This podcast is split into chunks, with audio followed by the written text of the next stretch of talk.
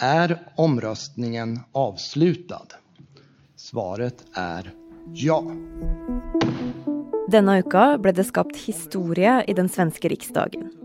For første gang så måtte en statsminister gå av fordi flertallet i nasjonalforsamlinga ikke lenger har tillit til han. Men saken som statsminister Stefan Löfven mista jobben for, er en sak som han og partiet hans egentlig er imot. Åssen ble det til at Löfven måtte gå, og hvilke valg har han nå? Du hører på Forklart fra Aftenposten. Jeg heter Anne Lindholm, og i dag er det torsdag 24. juni. Mandag 21. juni 2021 det kommer til å gå inn i historien som en historisk dag i svensk politisk historie.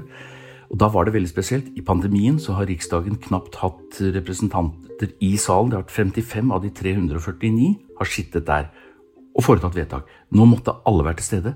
Og det var altså så stille. De satt der med munnbind alle sammen. Og, og det var Jeg skulle ikke tro det var et menneske i salen. Jeg satt på galleriet da. Bortsett fra at innimellom så var det noen som talte og argumenterte for eller mot det ene eller andre. Så det var veldig spennende. For fra der journalist og forfatter Odd Inge Skjevesland sitter på galleriet i den store, lyse svenske riksdagssalen, så har han god oversikt. Han kan se statsminister Stefan Löfven og de andre fra Sosialdemokraterne, det svenske Arbeiderpartiet, som har sittet i regjering med Miljøpartiet. Og fra plassen sin i det som ser ut som en stor forelesningssal, så ser Odd Inge at representant etter representant stemmer for mistillit mot statsminister Stefan Löfven. Omröstningen har utfallit med 181 ja, 109 nej, 51 avstår. Jag konstaterar att kammaren har bifallit yrkandet om misstroendeförklaring mot statsministern. Det var jo et forventet uh, utfall, men det er klart det er veldig spesielt akkurat i det øyeblikket du ser tallene komme opp.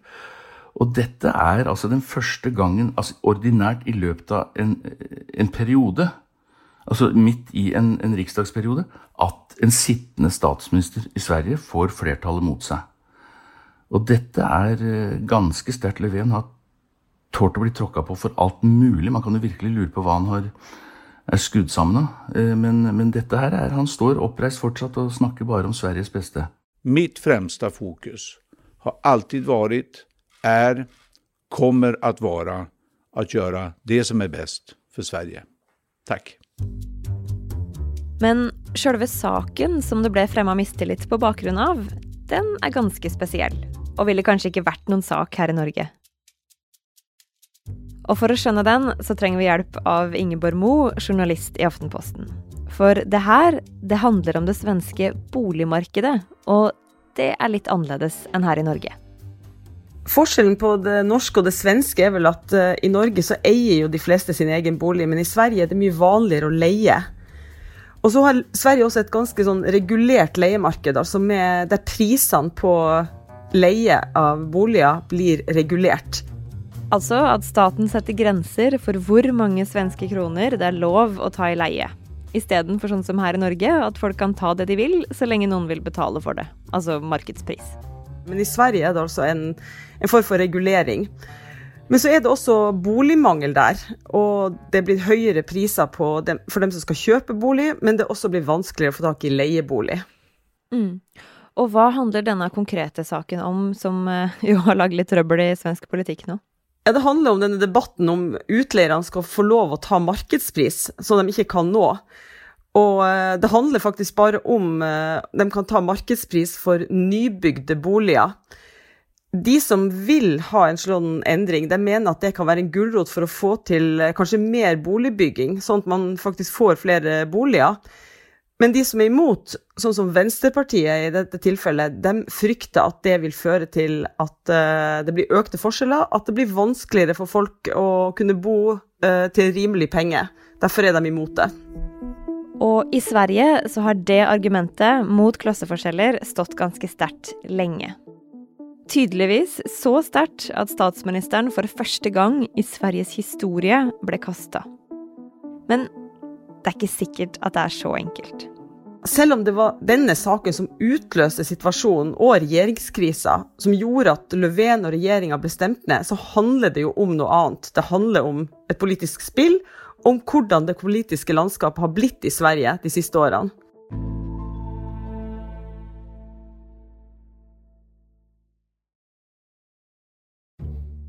Ok, så åssen er Stefan Löfven og partiet hans Sosialdemokraterna sin posisjon i svensk politikk?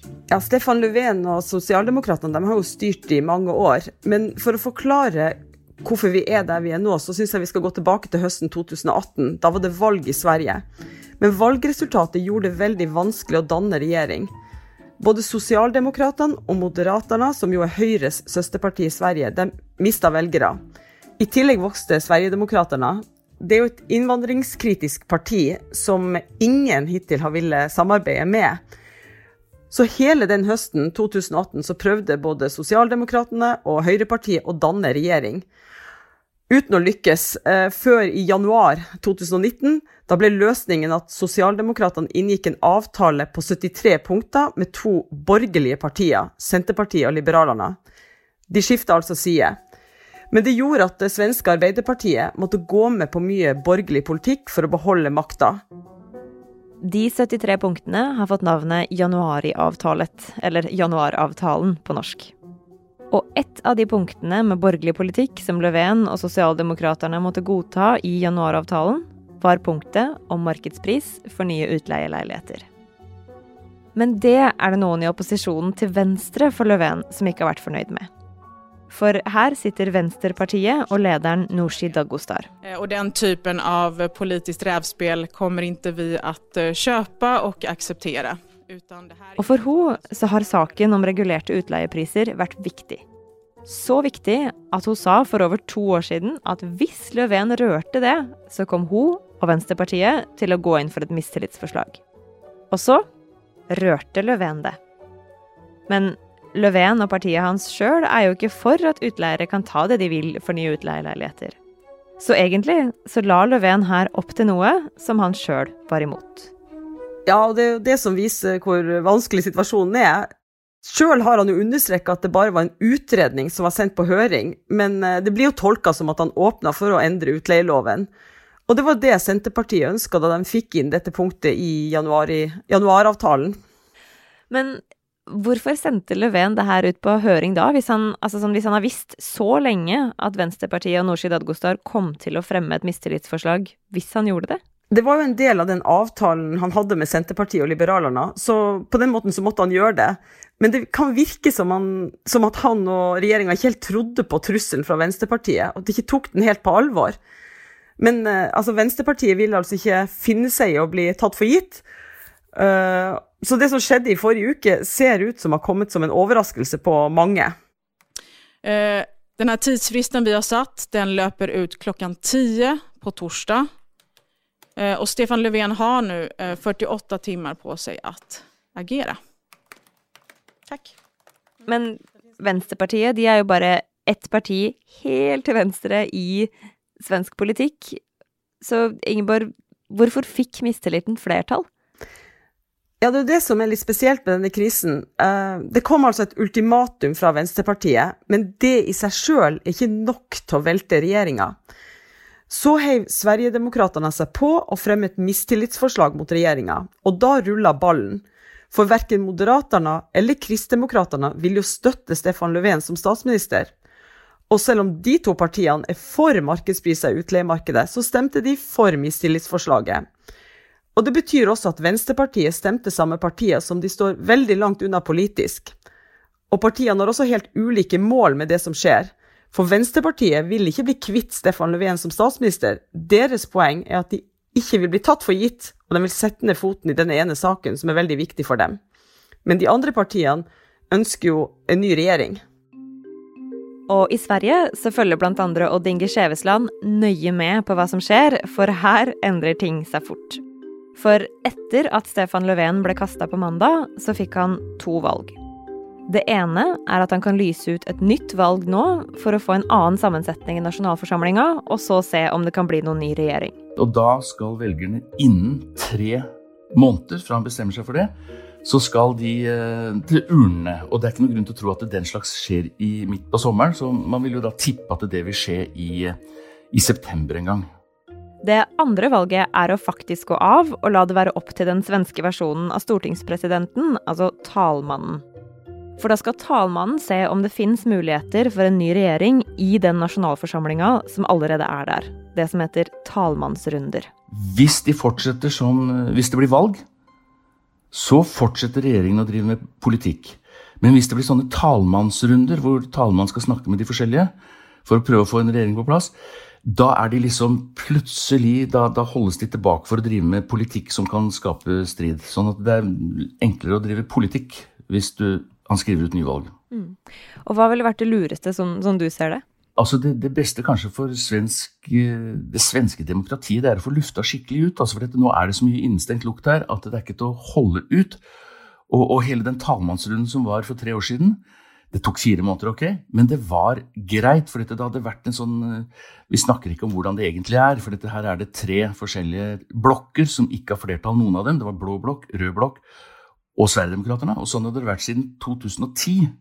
Så jeg tror at de man har godt av dette. Noen ganger må du liksom lufte ut og rense ut lufta. Altså. Og, og, sånn sett så tror jeg kanskje et valg nå hadde vært det greieste.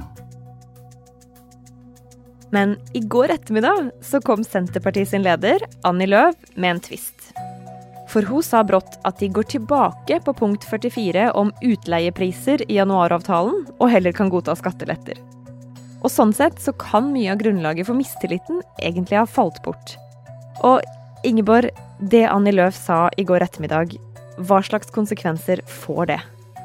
Ja, I går ettermiddag sa Senterpartiet at de dropper kravet om markedspriser, som jo utløste hele regjeringskrisa. Senterpartiet sier nå at de vil ha nye forhandlinger om januaravtalen, som er grunnlaget for dagens regjering. Men innrømmelsen kommer jo litt seint, for Stefan Löfven er jo alt felt og et av de andre partiene som er del av januaravtalen, som heter Liberalerne, har sagt at de heller vil ha en borgerlig regjering nå. Så vi vet ennå ikke hva som blir resultatet av dette, og om det blir nyvalg eller ei. Men det som uansett er helt sikkert, det er at det her blir spennende å henge med på. Ja, for det her er det, ingen, det, er ingen som, det er ingen som har lest boka på forhånd. Han har ikke gjort det selv engang. Så det er, ingen, det er, det er dreieboker. Det er helt nytt. Helt nytt. Så ni følger med, eller som de sier i TV 2 se hva som skjer.